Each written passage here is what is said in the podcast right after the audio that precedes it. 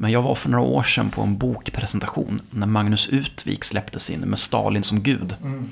Som väl handlar om hans tid i någon av de Albanien-trogna sekterna i Sverige på 70-talet, eller är det 80-talet till och med? KPS är det. Ja. Kommunistiska partiet i Sverige. Eh, Efter presentationen så är det frågestund och då får han ändå en del frågor som berör till vad vi har pratat om idag. Alltså hur farliga är kommunister idag och gömmer de sig i Vänsterpartiet och vill de just storma slottet med Kalashnikovs egentligen? Mm, nej, säger Magnus Utvik. Men han säger att man får ändå passa sig för kommunister för att de finns fortfarande. Och så lämnar han två exempel. Och det första han säger är, ni vet han killen på jobbet som pratar mycket om facket och som verkar jättetrevlig. Han kan vara kommunist. Ni vet hon den moderna feministiska serietecknaren i Malmö. Hon kan också vara kommunist. Ja, inte helt fel. Caminter. Nu är jag på besök här i Europaparlamentet och i den här korridoren sitter vänsterpartisterna. Hyllar Lenin, oktoberrevolutionen, hyllar Karl Marx. Ja, kommunistsymboler finns det gott om här i den här korridoren. Ett Kamintern. Ja, och här har vi då Chavez då, som hyllas av vänsterpartister och extremister i Europa. Och inte minst då Che Guevara. deras legend. Это Komintern. Che Guevara, deras legend. Det som nu har sagts att man måste dra slutsatser av vitboken, inte bara lägga den till handlingar utan diskutera vad har vi kvar i arvet från öst?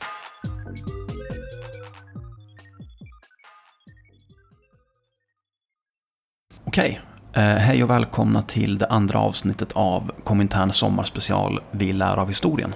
Eh, med mig som vanligt Gaspar och Svante. Hej hej! Hej! Idag ska vi prata om Vänsterpartiet. Eh, Vänsterpartiet grundas 1917 som en utsprängning ur Socialdemokraterna som Sveriges socialdemokratiska vänsterparti. Man är med och grundar Komintern 1919, bytte namn till SKP 1921 och mellan 1928 och 1943 så är man svensk sektion av Komintern och har då, om jag förstått det rätt, Kominterns program, inget eget självständigt program. Ja, det är kommunistiska internationalen då alltså. Med Sovjetunionens kommunistiska parti som ledande stjärna. Partiet eh, behåller ganska eh, nära band till Sovjetunionen ända in på 60-talet. Men 1964 så väljs C.H. Hermansson som eh, partiledare för dåvarande SKP som ett par år senare, 67, bytte namn till VPK, Vänsterpartiet Kommunisterna. Och det är väl där vi tar vid och hälsar eh, dagens gäst välkommen. Hej! Hej, Hej! Vem är du och vad är du? eh, jag heter Lisa Ahlqvist och ja, jag är ju vänsterpartist. Ehm, Jag är aktiv i den här lokala partiföreningen här, Kortedala, Gamlestan, Bergsjön. Jag har varit aktiv eh, medlem i Vänsterpartiet sedan mitten av 90-talet. Jag gick med Ung Vänster också samtidigt. Så att ja, jag har jobbat lite grann på olika sätt. En del med studier i partiet och sådär. Och, eh, Ingår också i eh, nuvarande programkommissionen. Eh, Ordförande för CMS i Göteborg också, har Det jag stämmer, precis. Centrum för marxistiska samhällsstudier som är en lokal förening av CMS. Och jag tror att den lyssnare till oss som föreslog dig som gäst för avsnittet sa någonting om att du har skrivit Vänsterpartiet Göteborgs historiebok, eller är medförfattare till den i alla fall. Ja, jag har medverkat. Jag har mest korrekturläst texter kan jag säga, men jag har varit delaktig i projektet. Men jag kan inte säga att jag har eh, liksom, bidragit i någon väldigt hög utsträckning, men jag har absolut varit inblandad i det. Så, och det har varit kul att ta del av det. Men det finns kamrater som har jobbat mer med det där. Men det var ett kul projekt, absolut. Någon ska korrekturläsa också. Ja. Ja, Ja, ska vi helt enkelt kasta oss in? Eh, alltså det blir ju lite en intressant uppföljare för er som hörde förra avsnittet där vi ju pratade om KFML som bröt sig ur då 67. Delvis i protest mot den här förnyelsen av dåvarande SKP som man kunde ana. Namnbytet till VPK och liksom eh, riktningen mot en mer, vad ska vi kalla det för, inkluderande typ av kommunism eller, eller vänsterpolitik. Så om vi liksom börjar hoppa lite på en tidslinje så kan vi ju säga att 67 så man spjälkar ju av sig då de lite Kina-inriktade eh, kommunisterna som bildar KFML. Eh, och sen samlar man partiet kring det nya namnet VPK och det betyder också lite grann ett, ett brott med eh, Komintern-traditionen, skulle man kunna säga så? Och liksom den, de här banden till, till Sovjet och öst. Men den bild jag får av att läsa om partiets historia är att det då...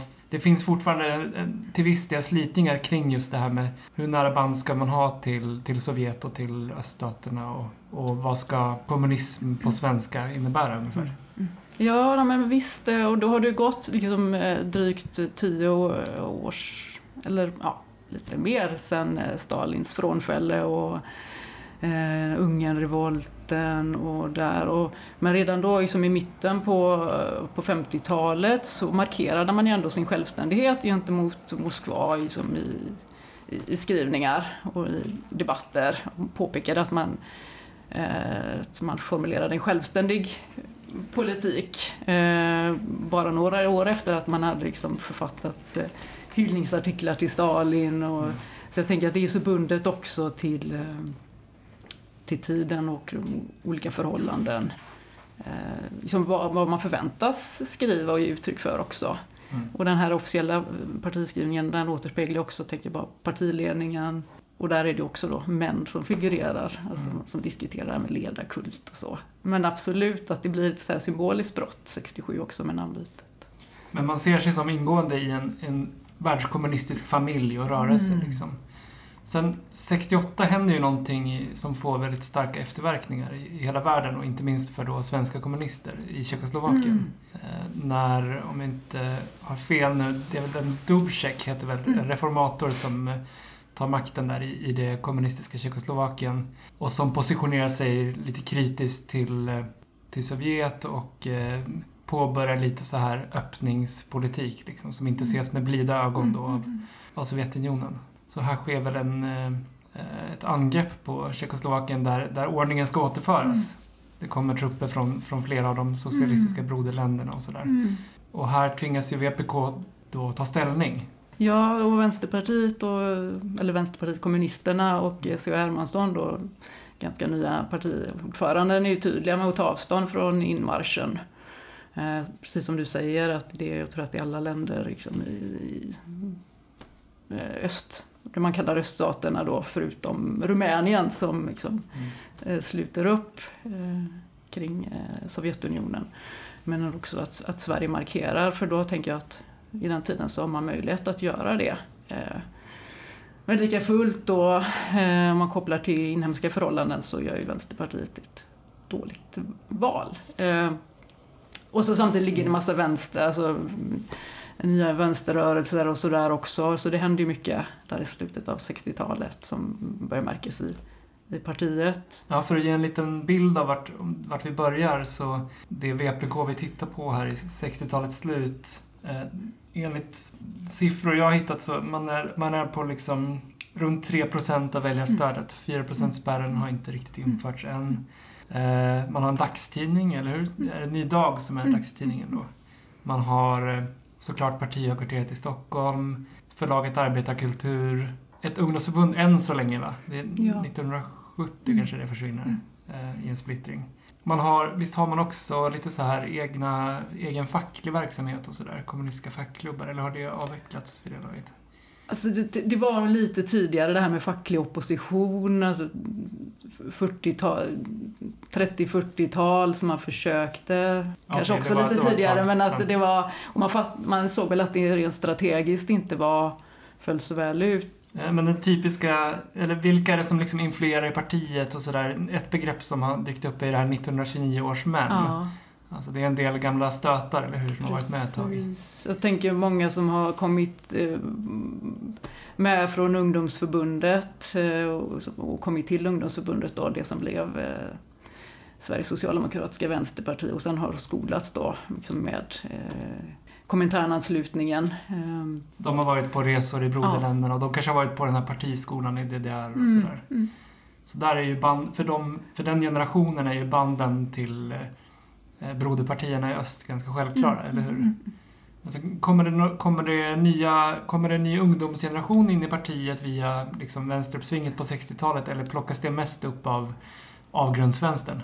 Eh, nej men det skulle jag säga att det gör. Och att då framför allt att uh, bli fler kvinnor och att det feministiska perspektivet, eller det som vi säger idag, Mm. det feministiska.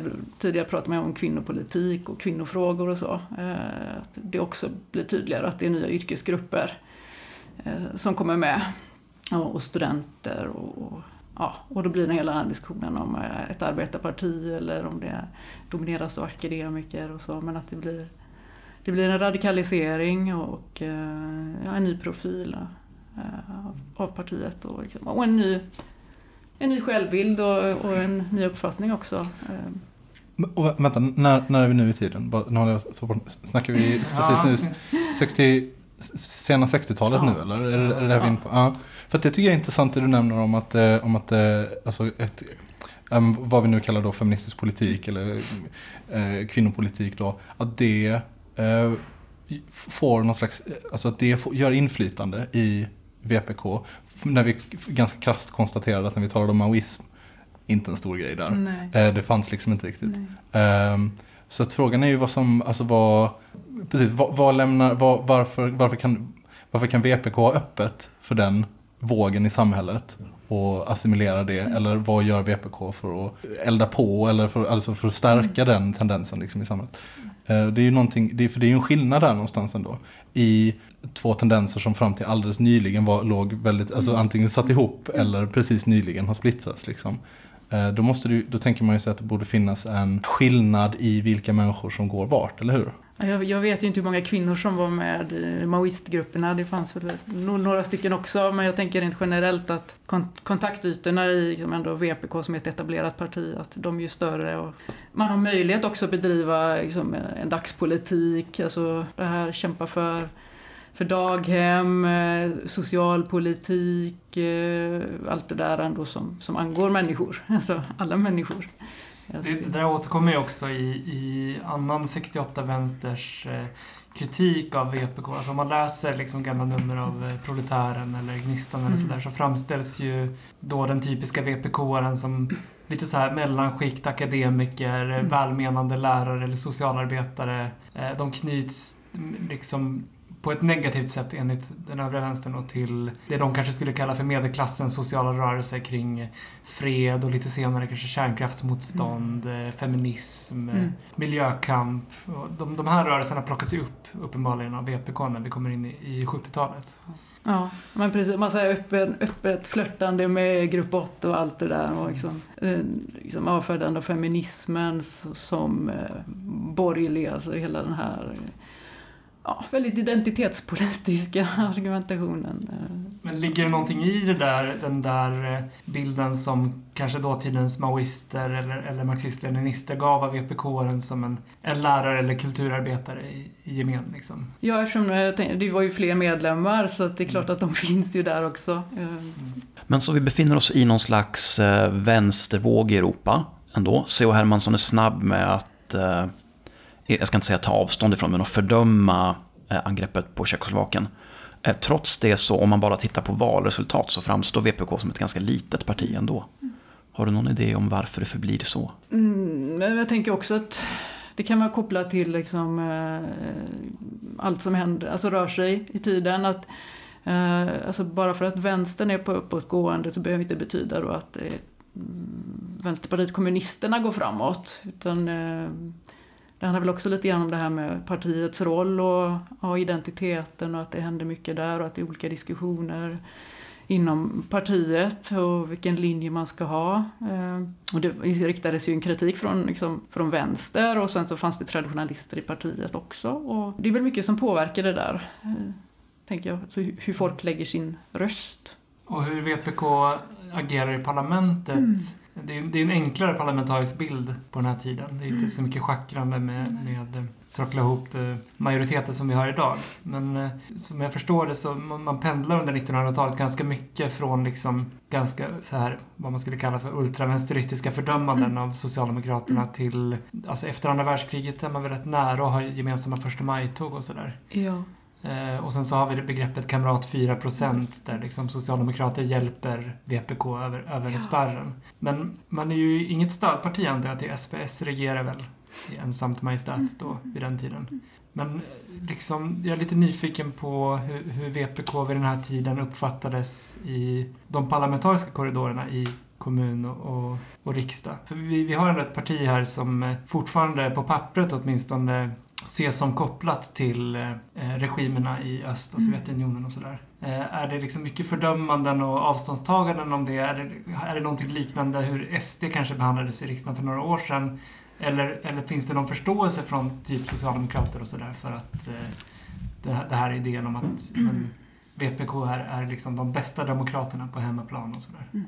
Jag tänker att det, det skiljer sig nog ganska mycket åt alltså på eh, lokalt plan och på rik, i rikspolitiken också det här med förhållandet. Så att, att VPK uppfattas som ett stödparti till Socialdemokraterna men Socialdemokraterna efter liksom, eh, andra världskriget och kalla krigets liksom, inledning har ju alltid liksom, åtagit sig den här uppgiften att vara liksom, renhållningsarbetare och liksom, kallat sig själv för, för arbetarrörelsen och liksom, hållit rent gentemot kommunister och man gjorde liksom, varje arbetsplats eh, till ett slagfält mot kommunisterna i slutet på, på 40-talet och att man fortsätter den här linjen. Och, eh, men jag tänker det som är slående och genomgående när man läser till exempel Lik i garderoben och Staffan Skotts böcker, det är det här med, med fosterlandsförrädare.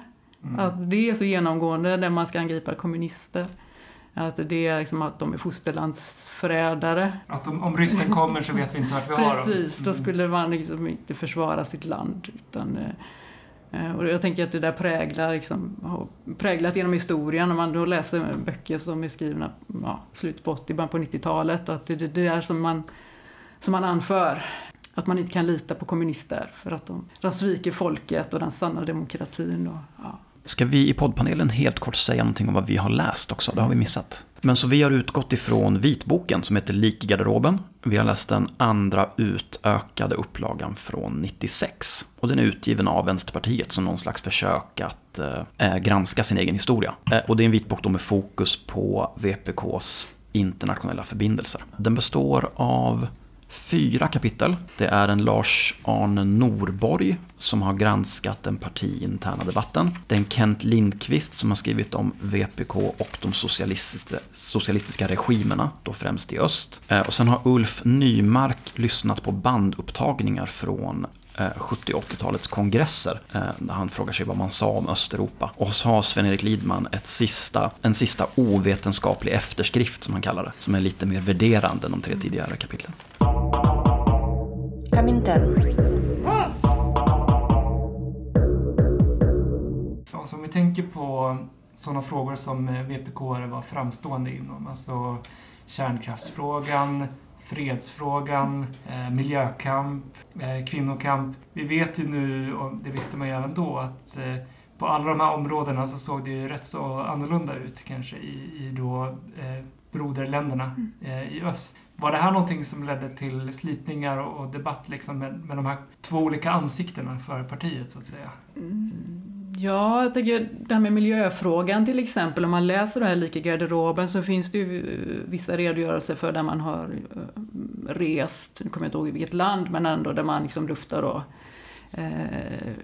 försiktig. Någon, som kampade DDR ja, ja. ja, då, kanske någon annanstans. Men man, man luftar försiktig kritik då mot att man kanske inte uppfyller de krav man kan ställa på en ansvarsfull, liksom, eh, bra eh, produktion vad gäller liksom, ur miljöhänsyn och så. Eh, jag vet inte just om miljöfrågan till exempel om det var någonting som ledde till eh, liksom, slitningar. Mm tänker jag, alltså, vad gäller sådär, liksom, kvinnokamp så kunde man väl liksom framhålla då, liksom, det där tänker jag som ett föredöme. Eh, och sen klart ur andra aspekter så var man kritisk. Men de här kontakterna tänker jag ändå att de fyllde nog eh, ändå en funktion eller trygghet för många medlemmar eh, samtidigt som man kunde formulera eh, kritik mot partiledningen. Och, eh, precis som man kunde göra det liksom, internt.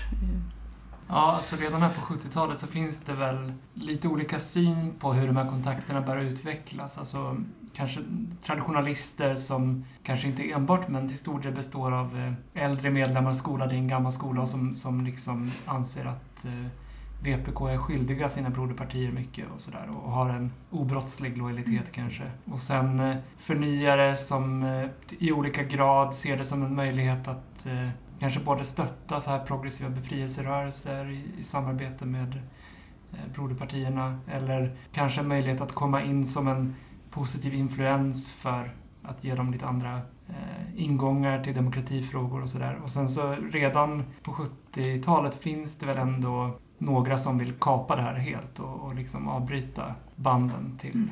till öst. Mm, ja, och, men jag tänker också att eh, att öst får en, en mindre betydelse, att det, är- alltså, det är länder i andra delar av världen också, att man knyter kontakter med dem, med, med befrielserörelser, liksom, i Latinamerika, man får upp det här med globala perspektivet också. Mm.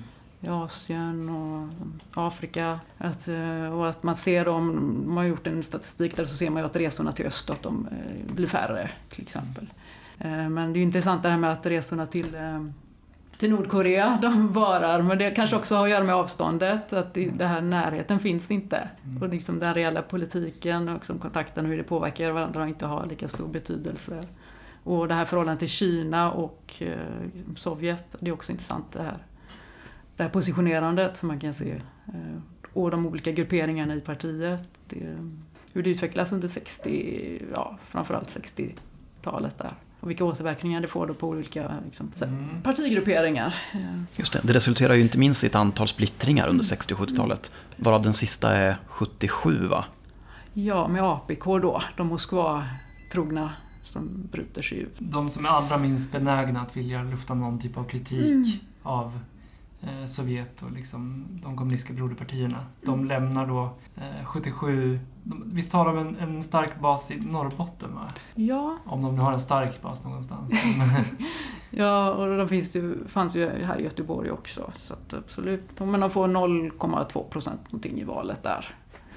Men, men först när splittringen sker så vet man inte riktigt hur, alltså partisprängningen, hur allvarligt det kommer bli. Det här är ju liksom en, det är en dynamik som har funnits, man har liksom kanske i tio års tid haft lite sådär små positioneringar kring hur, hur pass traditionalistiska ska vi vara, hur pass Sovjettrogna, för att förenkla det. Eh, och sen till slut så kommer då klyvningen. Och eh, jag vet inte, jag får en liten bild av att eh, kanske Sovjet och öststaterna är lite med bakom kulisserna, eller hur? Och de, de stöttar båda två eller vill liksom vara med och påverka. Ja, och det tänker jag också framgår ty- ganska tydligt i den här redogörelsen. Alltså det här att man upprätthöll kontakterna då från VPKs sida med Moskva berodde också på att eh, man ville se som Sveriges ändå kommunistiska parti Det är vi som är de riktiga liksom. Ja, precis. Eh, Mm. Att man skulle satsa på, rest, på rätt häst. Eh, Men APK tar med sig Norrskensflamman, Mm. eller hur? Är, det en, är det en dagstidning då, eller är det en veckotidning kanske? du, jag vet faktiskt inte vilken Nej. frekvens Nej. eh, den kommer ut. Men VPK har kvar sin dagstidning Ny Dag. Ja, fram till 90. Ja. Ja. Och hur, det är lite intressant, hur, hur, hur funkar den som tidning? Finns den, finns den liksom i Pressbyrån eller är det någonting man går och säljer i demonstrationer eller går man dörr till dörr? För många av de här vänstergrupperna Mm. på 70-talet har ju sin tidning som liksom en organisatör. Mm. Mm. Nej, men den kunde man prenumerera på. Så att, eh, ja. Mm. Sen vet jag inte liksom hur spridd, spridd den var. Det, är- det är andra som har bättre koll på det. Men, eh, Mm. Jag tycker när vi pratar om, om Vänsterpartiets historia, så jag vet att du hade en bra fråga där Svante, om att man blir, blir uppmärksammad på hur stor partiapparaten och dess olika fingrar var tidigare jämfört med eh, hur stor den är idag. Det här har ju då kanske i viss mån överdrivits av eh, högerkritikerna. Men de, de ville ju gärna måla upp det som att det fanns ett stort VPK-imperium Mm. med massor av pengar Mm. från öst och sådär. Men, men det fanns ju trots allt då någon typ av fastighetsverksamhet med liksom grund kring eh, partihögkvarteret i Stockholm. Mm. Vi hade en dagstidning, ett förlag väl, arbetarkultur. Mm. Eh, Studieverksamhet såklart och sådär. Och när vi till exempel i förra avsnittet pratade om KFML så kan vi ju se hur allt det här avvecklades och, och försvann. Eh, rimligt nog när, när då organisationen som stod bakom det försvann. Mm. VPK finns ju i någon mån kvar men, men idag har man ju inte alls den här strukturen, apparaten. Alltså, Flamman finns ju kvar som en oberoende vänster veckotidning väl. Mm. Men man har ju inte alls den här apparaten, eller hur? Längre. Vänsterpartiet av idag är ju, det är ju partiet Mm. och kanske så här kanaler på nätet och sådär. Men, eh, ja, CMS såklart. Men eh, hur, hur utvecklades alla de här eh, strukturerna och apparaterna? Där jag kan tänka mig att många var anställda kanske Mm. och sådär.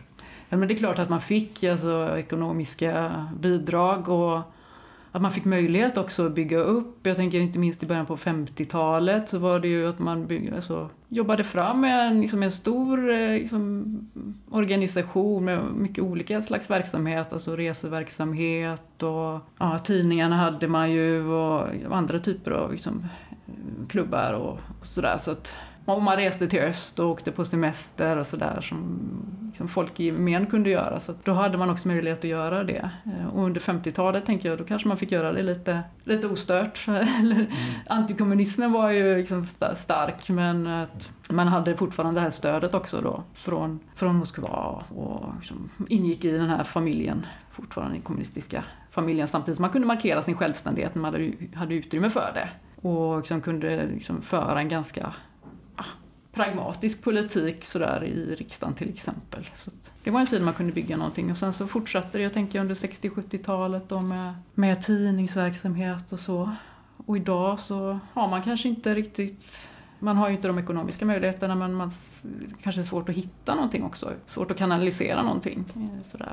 Jag har den infrastrukturen. Tråkigt nog så tycker jag ofta det är så att när man stöter på olika former av sån vänsterinfrastruktur så är det liksom lite spökskepp. Mm. Alltså det kan vara studentorganisationer, det kan vara kulturföreningar, det kan vara, det finns liksom, det brukar finnas en liten grupp eldsjälar som driver det här men man ser liksom att de har en alldeles för stor kostym. Mm. Det har funnits en gång i tiden har det funnits massa människor som har varit indragna i den här vänskapsföreningen eller det här, eh, vad det nu kan vara. Liksom. Eh, och nu är det liksom lite bort, borttynande. Typ. Så att det kanske inte bara handlar om, eh, om att inte de ekonomiska medlen finns utan det, någonting har förändrats i samhället också som förändrar det där. Jag tänkte på, eh, när du, du var inne lite på det där med eh, eh man, har, man har relationerna till eh, de här, eh, till Moskva till exempel. Eh, och sen så har man också möjlighet att driva en, eller man driver också en, en kanske lite mer så pragmatisk politik sen i, i riksdagen. För att Lidman skriver i sitt avslutande lilla kapitel där att, att det är ett väldigt, ett väldigt svenskt parti. Alltså för att, just för att det är så här, ja men liksom pragmatiskt på det sättet. Att man, jag vet inte vad man ska kalla det, plocka russin i kakan kanske är ett sätt att uttrycka det. Ett annat sätt att uttrycka det är att man kanske velar lite, ett annat sätt att uttrycka det, men jag vet inte, det, hur skulle du vilja karaktärisera det? Liksom? Hur? Nej men det tänker jag det är ganska betecknande. Och det är också, tänker jag, den kritiken som riktas då från liksom, politiska motståndare och liksom, borgerligheten och liksom, hela omgivande samhället är att å ena sidan så kan man avfärda kommunisterna som ofarliga eh, och raljera över dem. Jag läst, jag vet inte om det är i det här sammanhanget eller annanstans, eh, socialdemokrat som som gör sig lite lustig över en väldigt ofarlig eh, kommunist i riksdagen som bara liksom motionerar om någonting men som verkligen inte kan genomföra liksom, något, något samhällsomstörtande. Så att å ena sidan liksom, kan man avfärda kommunisterna som ofarliga och sådär, som inte kommer att åstadkomma någonting. Å andra sidan då så är de fosterlandsförrädare. Så jag tänker att de svenska kommunisterna de agerar väl utifrån eh, ja, den position de, som de har, liksom både geografiskt och politiskt. Eh, och jag tänker i den tiden också. Det blir ju lite, lite löjeväckande med de här anklagelserna om att de skulle vara någon typ av femtekolonnare när man mm. tänker på den bild man åtminstone har i efterhand av VPK-are som väldigt skötsamma, prydliga, trofasta, eh, liksom folkrörelseaktivister egentligen. Eh, det, det, är väldigt långt avstånd men samtidigt finns ju, all, det finns ju den här kopplingen såklart till att man ingår i, i, en, i en, gemenskap med, med kommunistiska rörelser i andra länder. Och det är väl det som väcker hela tiden Socialdemokraterna och eh, borgarnas misstänksamhet, kan jag tänka mig. Men är inte det liksom lite kärnan i diskussionen här också, eller det här samtalet? Hur länge gick, gick det, smög det runt folk på Vänsterpartiets kansli i Stockholm och liksom tänkte, ja, haha, snart kan vi plocka fram k-pistarna. Liksom. Mm. Alltså, det är ju att sätta en spets på det, men någonstans tänker jag ändå att nu tänker jag, känns det ju väldigt, väldigt långt borta från ja, men från egentligen no någon nivå i Vänsterpartiet. Revolutionsromantik, eh, alltså rena fantasier eller någon slags eh, så realpolitisk plan och ta, ta makten. Mm. Eller du vet så här, som ändå är någonting som finns liksom inbyggt i begreppet kommunist. Det har ju skett så en förändring över tid och, och, ja, och det, det är väl spännande liksom att fundera över när, när började när, när, när försvann det helt? När, när förlorade det det sättet att tänka? Liksom, inflytande och så vidare. Liksom. Ja, ska man döma av den här historiska redogörelsen och, och programskrivningen så är det väl på 80-talet då. Eh, man läser det här demokratimanifestet och tar del av motionerna som kommer också. Eh, och sen då, apropå Lidman, hans ovetenskapliga tidskrift, så ser man också var han landar någonstans där i början på 90-talet när han när han eh, råder partiet att ge upp eh, föreställningen som han skriver om det socialistiska samhället. Att det ordet inte är Mm. någonting att ta fasta på. Så att för honom blir det också bara ett teoretiserande. Eh, Och att man, man förhåller sig till föreställningar och begrepp och ord. Och att man ska liksom använda man kan använda socialistiska lösningar och åtgärder och det tänker jag också är intressant. Vad menar man med socialism? Är det bara liksom korrigera någonting? För oss är socialismen någonting annat. Än, Ja kan omöjligt vara liksom fixande med och lappande på ett system som vi vill överskrida. Ja, vi kanske kan hitta svaret på den där frågeställningen om vi fortsätter att spåra historien. Alltså 77 försvinner ju då kanske de, de värsta, värsta Sovjettrogna eh, medlemmarna i en, i en partisprängning och bildar ett litet Sovjettroget parti som blir, förblir totalt obetydligt och som förvirrande nog då idag heter SKP. Eh, Eh, Men... eh, Ah, vänta, vänta, så det, det är SKP nu alltså? Ja. Okej, okej, okej. Så Ja. nu trillade en sån jättepusselbit på plats. Haha, okej. ja. Så att två avsnitt och vi har hunnit med fyra olika SKP redan. Ja, ja det, men det är det SKP som man, som jag, som man, jag stöter aldrig på SKP på stan, men alltså som man i teorin skulle kunna stöta Ja. på på stan idag. Okej. Mm. De, de har ju då Rolf Hagel som är riksdagsman som ledare väldigt många år, om inte fortfarande. Men eh, de försvinner 77, men VPK är fortfarande VPK. VPK ser sig fortfarande som en, om en oberoende och kritisk, men medlem i den här världskommunistiska familjen. Och eh, om man följer eh, beskrivningen i Liken i garderoben texten så alltså den här kritiken och liksom den interna kritiken mot de demokratiska problemen till exempel i, i östländerna växer ju i styrka på när det blir 80-tal. Då har vi också, är det 79 som eh, Sovjetunionen invaderar Afghanistan och det liksom händer saker i världspolitiken. Sprickorna i det sovjetiska systemet blir mycket mer tydliga på 80-talet också. Det blir liksom svårare att, att lika självsäkert hävda att eh, realsocialismen är ett överlägset system och, och sådär. I, I vitboken så anges att, att man först försöker lägga fram ett demokratimanifest, alltså som kräver demokratiska rättigheter i öst, 78. Men då misslyckas man och det antyds väl, eller det kanske nämns rakt ut att det här är efter då sovjetiska påtryckningar. Ja, på delegater som är med på kongressen. Ja, de har egna delegater Ja, alltså. de är närvarande i alla fall. Ja, just är det. så. Mm. Ja. Men några år senare, är det 81 eller 82, då får man faktiskt igenom det här och börjar liksom ännu mer tydligt formulera att Mm. eh, svenska kommunister är kritiska till yttrandefrihetsproblemen. Och vi, vi har väl också, är det 81 som det är eh, militärkupp eller vad man ska kalla det, eh, i Polen. Eh, Mm. där, och liksom den här oberoende fackföreningen Solidaritet Mm. som slås ner och sådär. Mm. Sådana saker aktualiserar då den här kritiken. Ska vi gå in på 80-talet? Jag tyckte det var intressant att se att på 80-talet, som ju av de, nästan alla vänstermänniskor skulle jag säga uppfattas som nyliberalismens decennium där jättemånga av vänsterns landvinningar rivs upp och det, det börjar vända, så ligger VPK ändå ganska stabilt alltså i väljarstöd. Så oavsett hur man positionerar sig i förhållande till eh, DDR och Sovjet och Polen och Rumänien och allting och, och de här, ganska, vid det här laget, ganska stormande debatterna i partiet så finns det en, en kärna av väljare som kommer att lägga sin röst på VPK oavsett. ja, och jag tänker också att de positionerar sig till eh, socialdemokratin också. Alltså att det finns alltid några där som, som sympatiserar röstar på, eh, på VPK.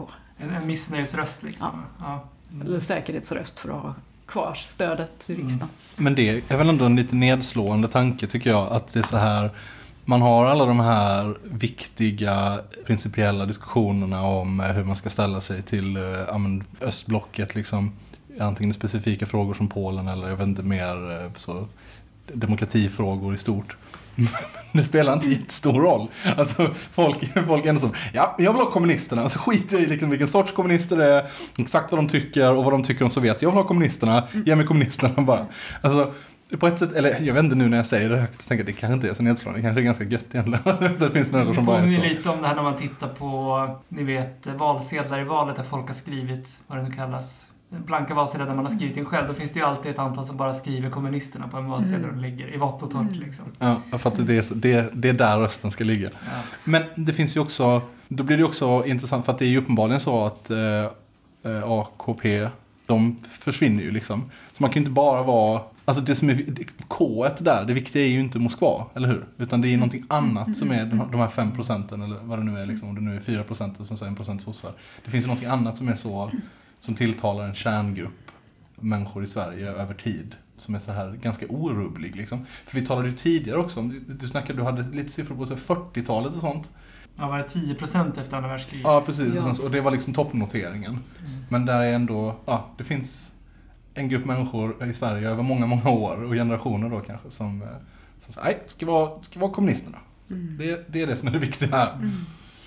Ja, nej men det är ju, tänker jag, om man hoppar ändå historien där på 40-talet, eh, så var, var det riksdagsvalet 44 och sen kommunalvalet 46. Får man 10-11 procent. Det är klart att alla inte är kommunister, men det är också ja, det är en bit efter eh, slutet av andra världskriget och man, man får liksom, man visar att man är dugliga och kan organisera och metallarbetarstrejken till exempel, där, där kommunisterna är framskjutna och då har, under den här tiden så har man ju framskjuten position i, i fackföreningarna. Så att man visar ändå att man kan liksom göra någonting och organisera och, och synliga, tänker jag. Så att, eh, och det är just det här, jag tror inte att folk relaterar, alltså människor i gemen relaterar så mycket till, eh, till bolsjeviker och Moskva och så. Utan, eh, för nu, har vi, nu diskuterar vi mycket det här med politiska debatten och liksom förhållande till öst och så. Men jag tänker människor, de har väl andra avvägningar när de, när de röstar på ett parti. Om man nu pratar om bara att liksom lägga sin röst. Och för att fortsätta på det spåret så tänkte jag lite på, jag var inne på det tidigare, men skulle du kunna, det här kanske är lite svårt att säga, men hur ser, hur, skulle, hur ser liksom en vanlig vecka, hur ter sig en vanlig vecka för en, eh, en VPK-are vid den här tiden, vi pratar 80-tal? Alltså vilka, vad är det för verksamhet man bedriver? Vad sysslar man med? Är man ute och säljer tidningen? Jobbar man i någon kärnkraftsmotstånd kanske? Ja. Eller eh, fredsrörelse? Eller vad liksom, vad sysslar den, den genomsnittliga VPK-aren med? Ja, jag ju inte med då. Nej men eh, jag tänker kärnkraftsomröstningen var ju en väldigt stor samlande liksom, process. Det är 1980 Ja? Mm. ja, man liksom gjorde partiet i en studiecirkel. Så att, eh, och det är, jag tänker också det är många liksom, långt utanför partiet också som engagerar sig i det där. Som inte alls definierar sig som socialister. Eh, så- att det är ju jätteviktigt där i början av 80-talet. Och sen är det ju, tänker jag, fredsrörelsen också under 80-talet som, som blir stor. Eh, Men för att komma med i VPK, det är inte, det är inte ett kaderparti i den meningen som 68-partierna uppfattar. Man behöver inte gå igenom eh, massor av cirklar och liksom kvalificera sig in, utan det är bara att dyka upp på ett möte i stort sett, eller? Ja, tidigare var det så att man skulle bli rekommenderad och invald. Och jag vet faktiskt inte när man Mm. tar bort det kravet. Men eh, Men det hålls studiecirklar i, i Marx och Engels och Lenin och sådär? Ja, absolut. Mm. En, en, den f- f- eh, framförallt eh, vitboken handlar ju om relationerna till Eh, realsocialistiska länder, framförallt i öst. Men en annan del av kritiken som får mycket mindre utrymme är ju den att Vänsterpartiet inte är ett trovärdigt demokratiskt alternativ. Därför att de har en intern, en, alltså en stalinistisk partiapparat. Men när jag läser transkriberingarna från kongresser på 80-talet så måste jag säga att vid det laget så är debatten ganska fri. Mm. jag tänker säga att så, så brukar det vara. Alltså att debatten är yvig och tillåtande och ja, sen förutsätts man ändå följa partilinjen och de beslut som har fattats eh, liksom i god demokratisk, centralistisk anda. Jag tänker att det har sett ut så genom åren. Och eh, om du vet någonting om eh, hur är det med ungdomsförbundet på 80-talet, KU? Är de liksom mer traditionalistiska eller är de mer eh, att de driv, är pådrivare för förnyelse och sådär? Kanske inte finns en entydig sån... Nej, alltså jag, skulle nog säga att de ändå följer. Partiet ganska liksom, ändå, klart att det finns. Det finns väl meningsskiljaktigheter där också, men ändå. Och att det har stadgats lite grann då på 80-talet. Eh, Och sen så, mm, kanske inte synliga, men sen får man ett uppsving under 90-talet också.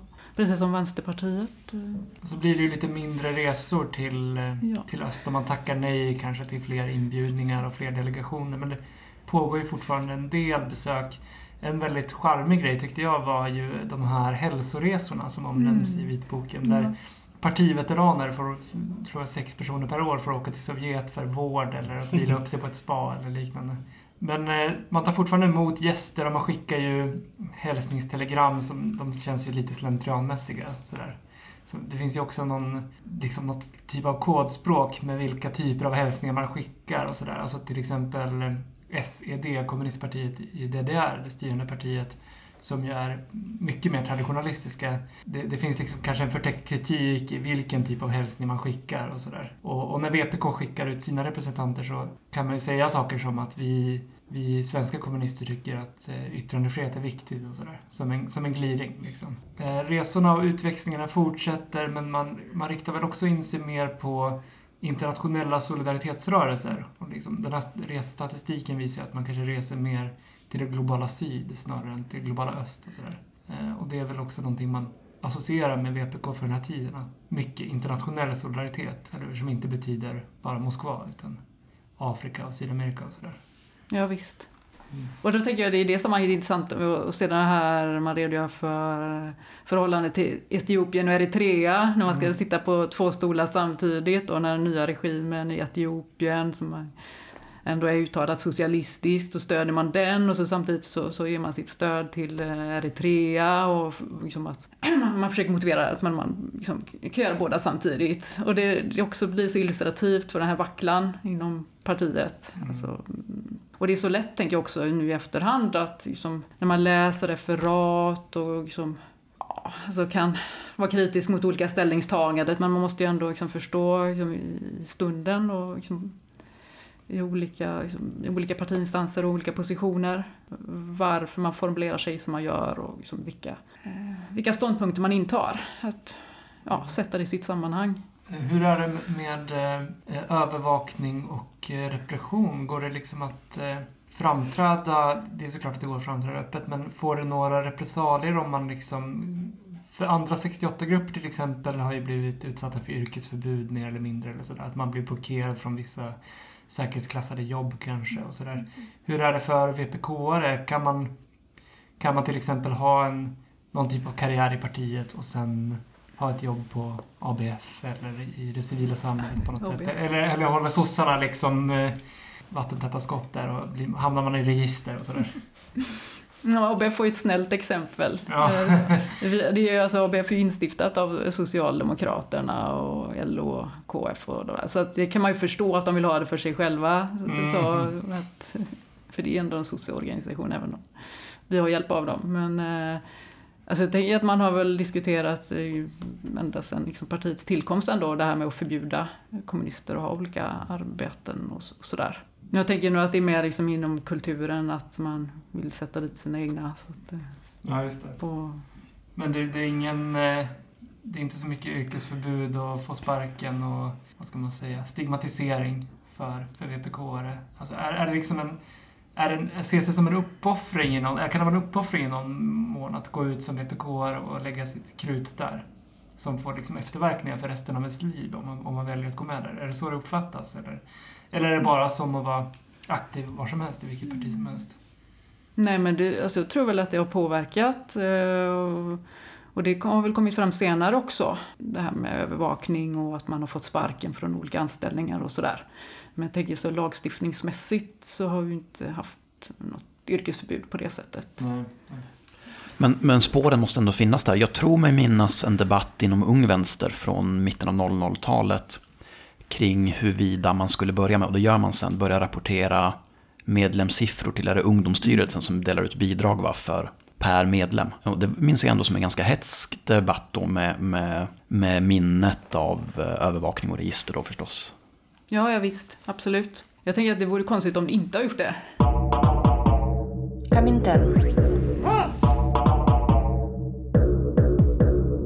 Eh, du sitter, eller har suttit, i programkommissionen, eller hur?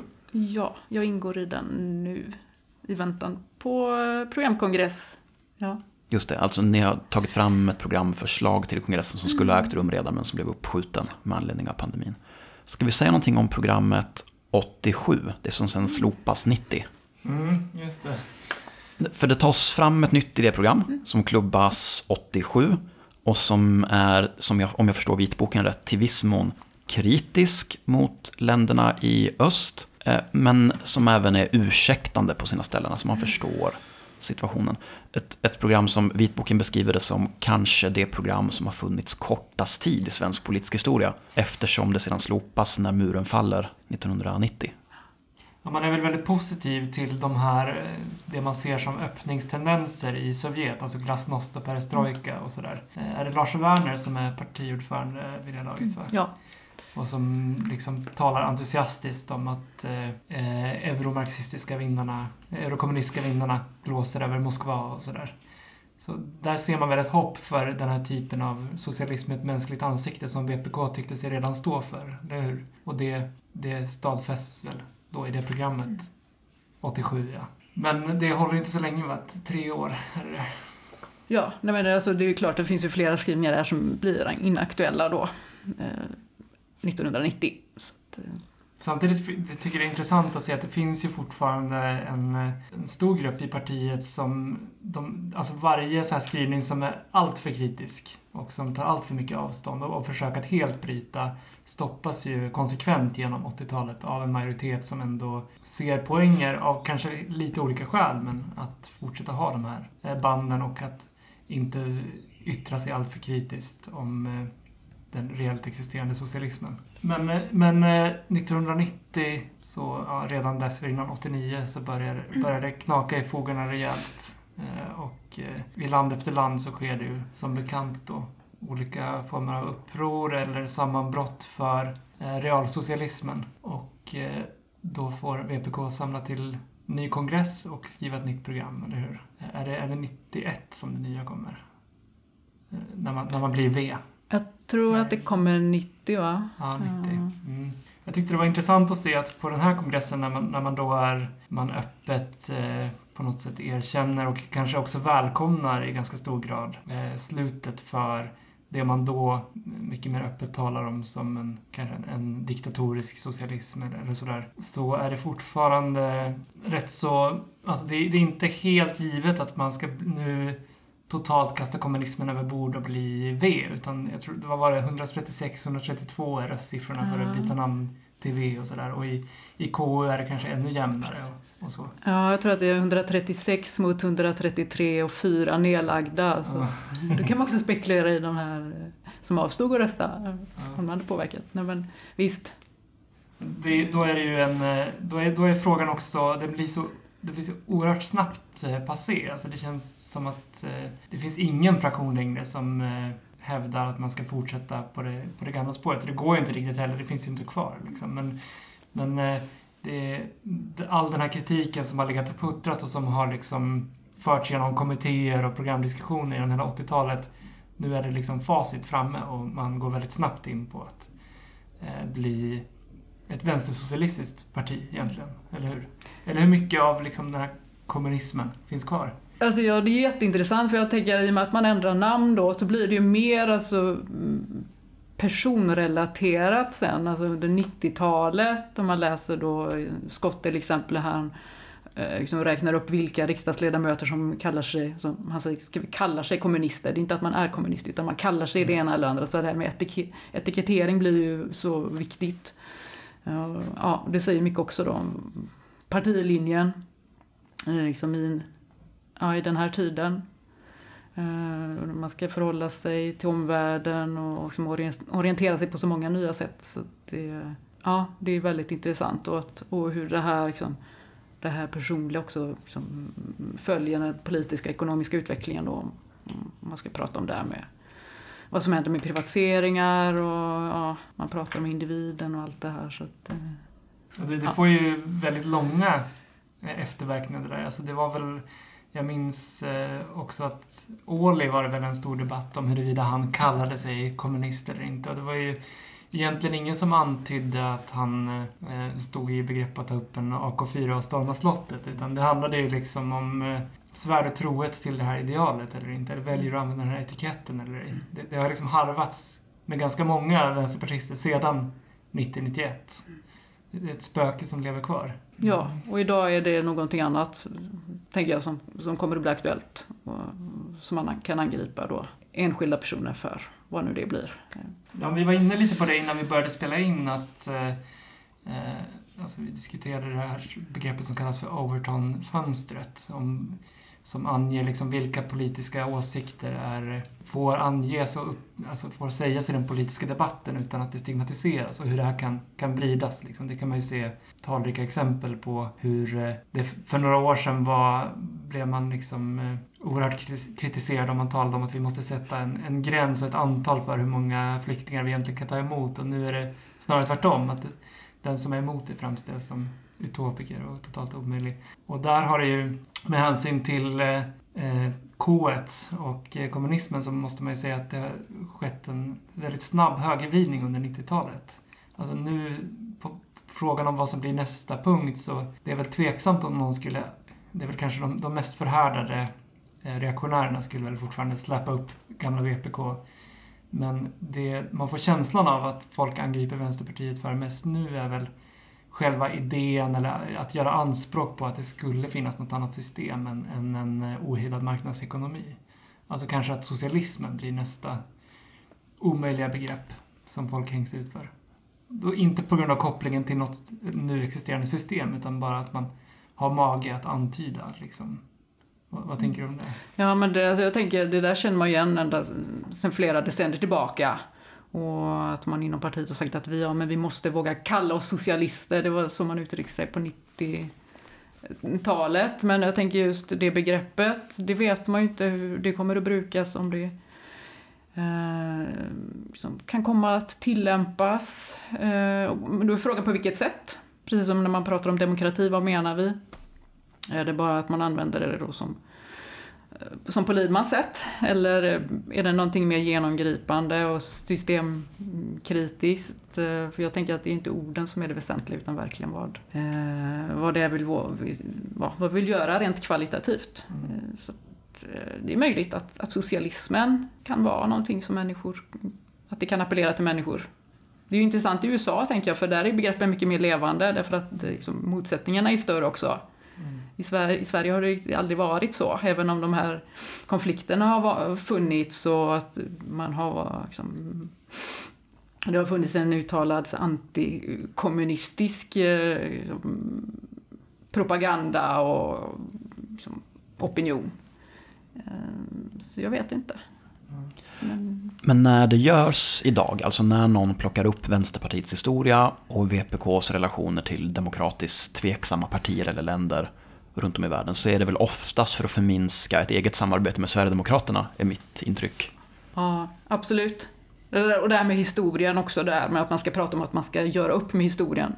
Vilket är också så märklig tanke, för det kan man ju verkligen inte göra. Utan man kan bearbeta erfarenheter, men man kan inte göra upp med, med det förflutna. Utan man måste liksom, man får betrakta det och, och sen, visst kan man lära sig någonting, men man får ändå se hur vi kan flytta fram våra positioner nu. Eh, men jag tänker det här, du nämnde flykting, alltså flyktingpolitik, migration och SD. Jag tänker det här med migrationsuppgörelsen nu. Det är, så, det är skrämmande och det är så talande också för hur socialdemokratin och då de uttalat borgerliga partierna förenas där. Mm. Tänker jag både liksom, eh, bland opinionsbildare och, och ledarskribenter och också det politiska etablissemanget. Eh, liksom att man förenas kring den här folk folkhemstanke på något vis, eller en statskapitalism. Och så som definierar man vilka som hör till folket och så ska man stänga ute människor mm. eh, som är på flykt. Eh, och där har vi ändå vår, det är den röda tråden, det är vår grund, alltså den internationella solidariteten. Eh, som är liksom obruten och där finns liksom, det är det som socialismen vilar på. Eh, så vi kan ju prata om att vi ska nationalisera banker eller liksom industriella nyckelfunktioner, infrastrukturen, men vi kan inte nationalisera solidariteten. Och det där måste vi, alltså det kommer vi att liksom upprätthålla och, och aldrig överge på något sätt, tänker jag, oavsett vad vi som är medlem i ett socialistiskt eller kommunistiskt parti. Liksom. Lidman skriver så här i sitt efterord. Efterklokt kan man nu säga att det kanske ändå på lång sikt var en olycka att Hermansson lyckades manövrera ut Hagberg. Om inte så hade kommunisterna blivit en spillra och Sverige hade redan på 60-talet fått ett nytt vänsterparti utan belastning och utan en aldrig upphörande ström av hyllningstelegram som Norge fick och som Danmark fick. Apropå att kunna utradera sin egen historia, skulle du önska att du var medlem i ett nytt och fräscht socialistiskt parti utan det historiska bagaget? Nej, det vore ju som att, att liksom ställa sig utanför hela existensen. Och så att nej. Ehm, nej, jag tänker att man får se utifrån de möjligheter som finns och minnas allt som människor har kämpat för inom partiet. Det är liksom människor som har åstadkommit så mycket och, och ja, gjort så mycket utifrån sina förutsättningar. Eh, och det är inte de som skriver historien och det är inte de som märks i den här vitboken heller. Eh, det här är verkligen så partiledningen och eh, liksom oberoende forskare och så som ger sin syn. Så att allt det andra som har hänt och som människor har liksom gjort, det liksom syns inte här. Så att, Nej. Vi, eh, innan du kom hit och innan eh, mikrofonerna sattes på så diskuterade vi huruvida det var lättare att vara vänsterpartist i Göteborg därför att det finns en galjonsfigur för Stalin redan i kommunistiska partiet som är liksom närvarande i stadsmiljön på daglig basis i Göteborg på ett annat sätt än i någon annan svensk stad. Tror du att det är så? Eh, jag vet inte om det har att göra med kommunistiska partiet eller andra liksom, partier eller samfund som jag tror absolut att det är lättare att vara vänsterpartist här än Eh, på landsbygden i Sverige. För att det är lättare att organisera sig och att det finns en politisk eh, tradition och att man har möjlighet att byta och utbyta åsikter och erfarenheter. Och, ja, men så är det, tänker jag traditionellt liksom en, också en industriarbetarstad. Så att det tror jag mer att det är sådana för, förhållanden och inte så mycket så.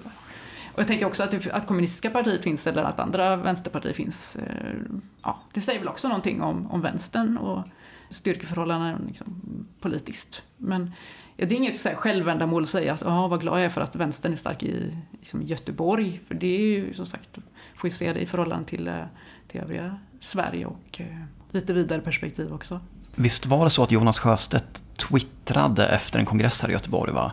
Att han har gått över Järntorget och blivit kallad för småborgarrevisionist av en proletärenförsäljare. Och skriver att det är någonting som bara kunde hända här. Ja, men det stämmer nog. Ja. Mm. Får vi passa på att rekommendera också hans eh, bok just om, eh, på, på, ämnet. Eh, vad den heter, Från masthugget till Madrid. Kan det vara så den heter? Sjöstedts bok om ja, småborgerlig revisionism nej, som heter om, eh, ursäkta det var lite otydligt. om S, det handlar ju om två gamla SKP här i Göteborg. Som, eh, den ena av dem är Spanienfrivillig och sådär.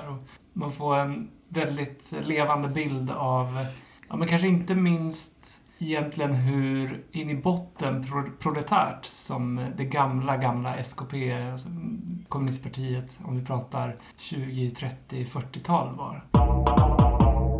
Komintern. Jag tänker det här som föregick eh, den här vitboken, så den tillkom ju på, på initiativ av några motioner då från, eh, från Hallandsdistriktet och Lund. Eh, och sen då mm, kom den i svallvågen av den här Staffan Skotts Lika in i garderoben. Och jag tänker det är så intressant den här titeln också, Lika in i garderoben. För det finns ju, tidigare i historien så finns det någon då, Harald Rubenstein, som skriver 1962 om eh, lik i garderoben, alltså att man inte har vågat eh, förhålla sig kritiskt till öst och liksom problematisera det här förhållandet. Eh, och då tar han upp det här igen. Och sen får den här vitboken också heta Lik i garderoben, så att det är också en sån här intressant metafor. Mm. Så det, det är en sak, men sen det här det feministiska perspektivet som det finns ju inte alls närvarande här i den här officiella partiskrivningen. Och då tycker jag det är så talande att en sån som Staffan Skott kan ut, alltså, uttrycka sig så, det känns så främmande idag, så liksom, gubbigt och sexistiskt när han skriver och hur han beskriver liksom, kommunistpartiet också som en bedragen eh, hustru, apropå APK.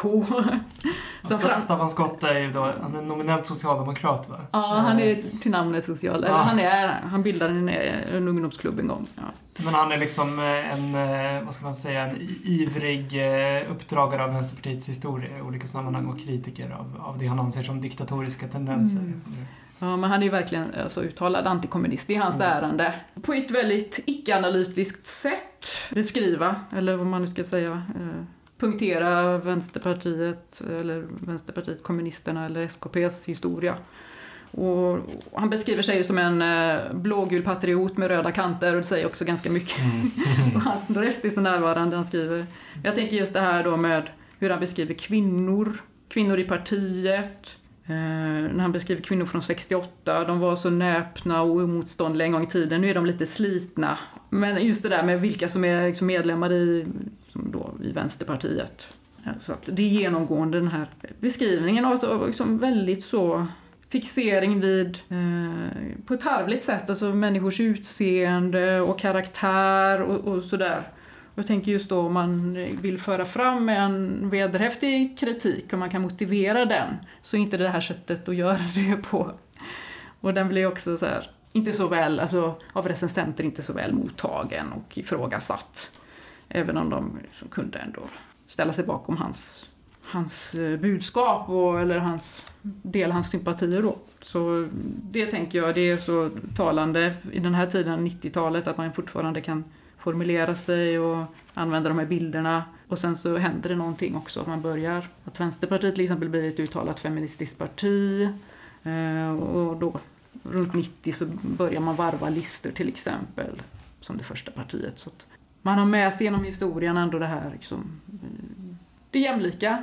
Alltså vad innebär jämlikheten i, praktisk eh, handling och i, liksom i organisering och det tänker jag, det börjar här. Där de här eh, historieskrivningarna slutar. Men eh, en, en fundering jag har och som du, du får se hur mycket du vill svara på den, men hur, vad skulle du egentligen säga är det som lever kvar i dagens vänsterparti från VPK-tiden? Du har ju nämnt lite grann röda tråden med eh, internationalism och eh, eh, kvinnokamp, till exempel feminism. Ja, ett, ett exempel från min tid då i en vänster var ju hur vi något naivt skickade någon representant till ett eh, möte i Stockholm och eh, som gick upp i talarstolen och skulle argumentera för det ena eller andra förslaget och eh, kläckte ur sig att vi i Ung Vänster är ju direktdemokrater så vi tycker att si och så. Och då fick man genast rättning där. Kom då vår, vår delegat tillbaka till klubben och berättade att då hade alla rest sig upp och sagt direktdemokratiskt? Nej, nej, vi är demokratiska centralister. Det hade vi, vi 14-åringar hade ingen aning om vad 17 det betydde. Men finns det, det är ju uppenbarligen då liksom ett arv från en, en kommunistisk partistruktur kan vi säga. Vad skulle du säga, alltså när, skulle, när tänker man som vänsterpartist på det här? Alltså vart finns det kvar?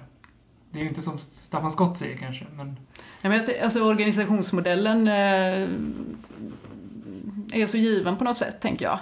Och också det här med eh, Eh, det feministiska perspektivet, det här med eh, liksom, hur man har tillämpat det. Med det som vi har idag, det här med som könsseparata träffar och hur det genomsyrar hela organisationen. Alltså utöver det då den traditionen som vi knyter an till. Och jag tänker också det här, man pratar om demokratisk, eller demokratisk eh, centralism, att det är ju så hela förenings-Sverige är liksom uppbyggt på något sätt. Alltså att man, man väljer sina representanter och så får de stå till svars för det som de har getts förtroende att, att genomföra. Så att den organisationsmodellen är ju den är inte främmande för människor på något sätt. Utan det är ju så ändå, tänker jag, det demokratiska föreningslivet funkar. Men om någon av 70 eller 80-talets, kanske någon av de interna kritikerna fick bläddra i den nuvarande programkommissionens förslag. Vilka, det, det nämns en del ord, till exempel i, i, i vitboken. Ord som kamp och strid, ord som revolution, Lenins namn och sådana saker. Vilka spår av det förflutna skulle man hitta i programmet idag? Alltså, eh, ett ord som kamp finns ju. Eh, revolution är inte med. Så att jag tänker så här, vissa sådana ord som man kan använda i gemen finns ju med. Men det här det leninistiska uttrycks ju inte på det sättet. Och det tänker jag också hänger ihop med den här beskrivningen av, av staten till exempel, hur vi ser på den. Men det är också sagt, det är ett, ett programförslag som finns nu och vi har ett nuvarande program. Så att vi får se vilka förändringar som kommer att gå igenom. Men jag tycker det är intressant det här med strid och så, apropå det här med vitboken och, Le- och eh, Lidmans avsnitt. Det är ju, när han förkastar ord som, så här, ord som strid och krig och ja, han vill ju göra upp med hela den här idén om ett avantgarde som liksom en, en förtrupp som, som vet bättre. Han tycker att det, det leder ofrånkomligen till samma utveckling som i Sovjet igen. Eller hur? Det är något sånt han, hans kritik formuleras. Och det, alltså jag, och så är det att han, inte har, försvår, han har svårt att förstå, man kan använda sådana ord när man samtidigt eh, då, som medlem i Vänsterpartiet är engagerad i fredsrörelsen till exempel. Och det säger också ganska mycket om någon som står utanför partiet och den här traditionen att, Mm. att man kopplar inte det. Alltså ett ord som kamp, vad det innebär. Att det är liksom att man, man använder våld.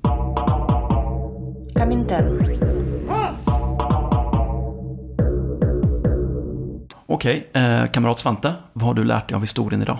När jag först läste den här vitboken så tänkte jag att det jag hade lärt mig, och det har jag väl också, var att eh, hur man än vrider och vänder på saken så kommer man som eh, socialist eller revolutionär socialist aldrig undan frågan om de socialistiska experiment som har företagits i historien. Och eh, jag tycker liksom det blir väldigt illustrerat i, i VPKs då historia att eh, det går inte riktigt att liksom bara sopa under mattan eller hoppas att det ska försvinna utan man måste liksom någonstans jobba med det där och bearbeta det för att folk kommer ändå fråga om det. Kanske i mindre grad nu, men ändå fortfarande. Och det är väl en sak, men under samtalets gång så tänker jag att en annan lärdom är hur lång historien är. Alltså inte minst det här med då att ett SKP som det hette på den tiden på 20-talet i stort sett grundas av ett ungdomsförbund, 1929 års män, som sen fortsätter att eh, utöva inflytande i partiet in på liksom 70-talet. Och vi har Hilding Hagberg, den gamla ledaren, som eh, är aktiv i partidebatterna på 80-talet till och med. Det, det gäller väl egentligen inte bara VPK eller, Vänsterpartiet utan alla våra sammanhang och vänsterorganisationer att eh, vi verkar verkligen under en lång, lång historia som kommer att på något sätt dyka upp och göra sig angelägen vare sig vi vill det eller ej. Tack. Och Gaspar? Jag har lärt mig var nuvarande SKP kommer ifrån. Och Lisa Ahlqvist, tusen tack för att du kom hit. Tack så mycket. Tack för att du har lyssnat. Det här var Kominterns sommarspecial Vi lär av historien. Avsnitt två av, tror vi, åtminstone sex stycken fördjupningar i olika svenska vänsterpolitiska organisationer eller miljöer. Så håll ögonen på vårt flöde och så hörs vi. Tack!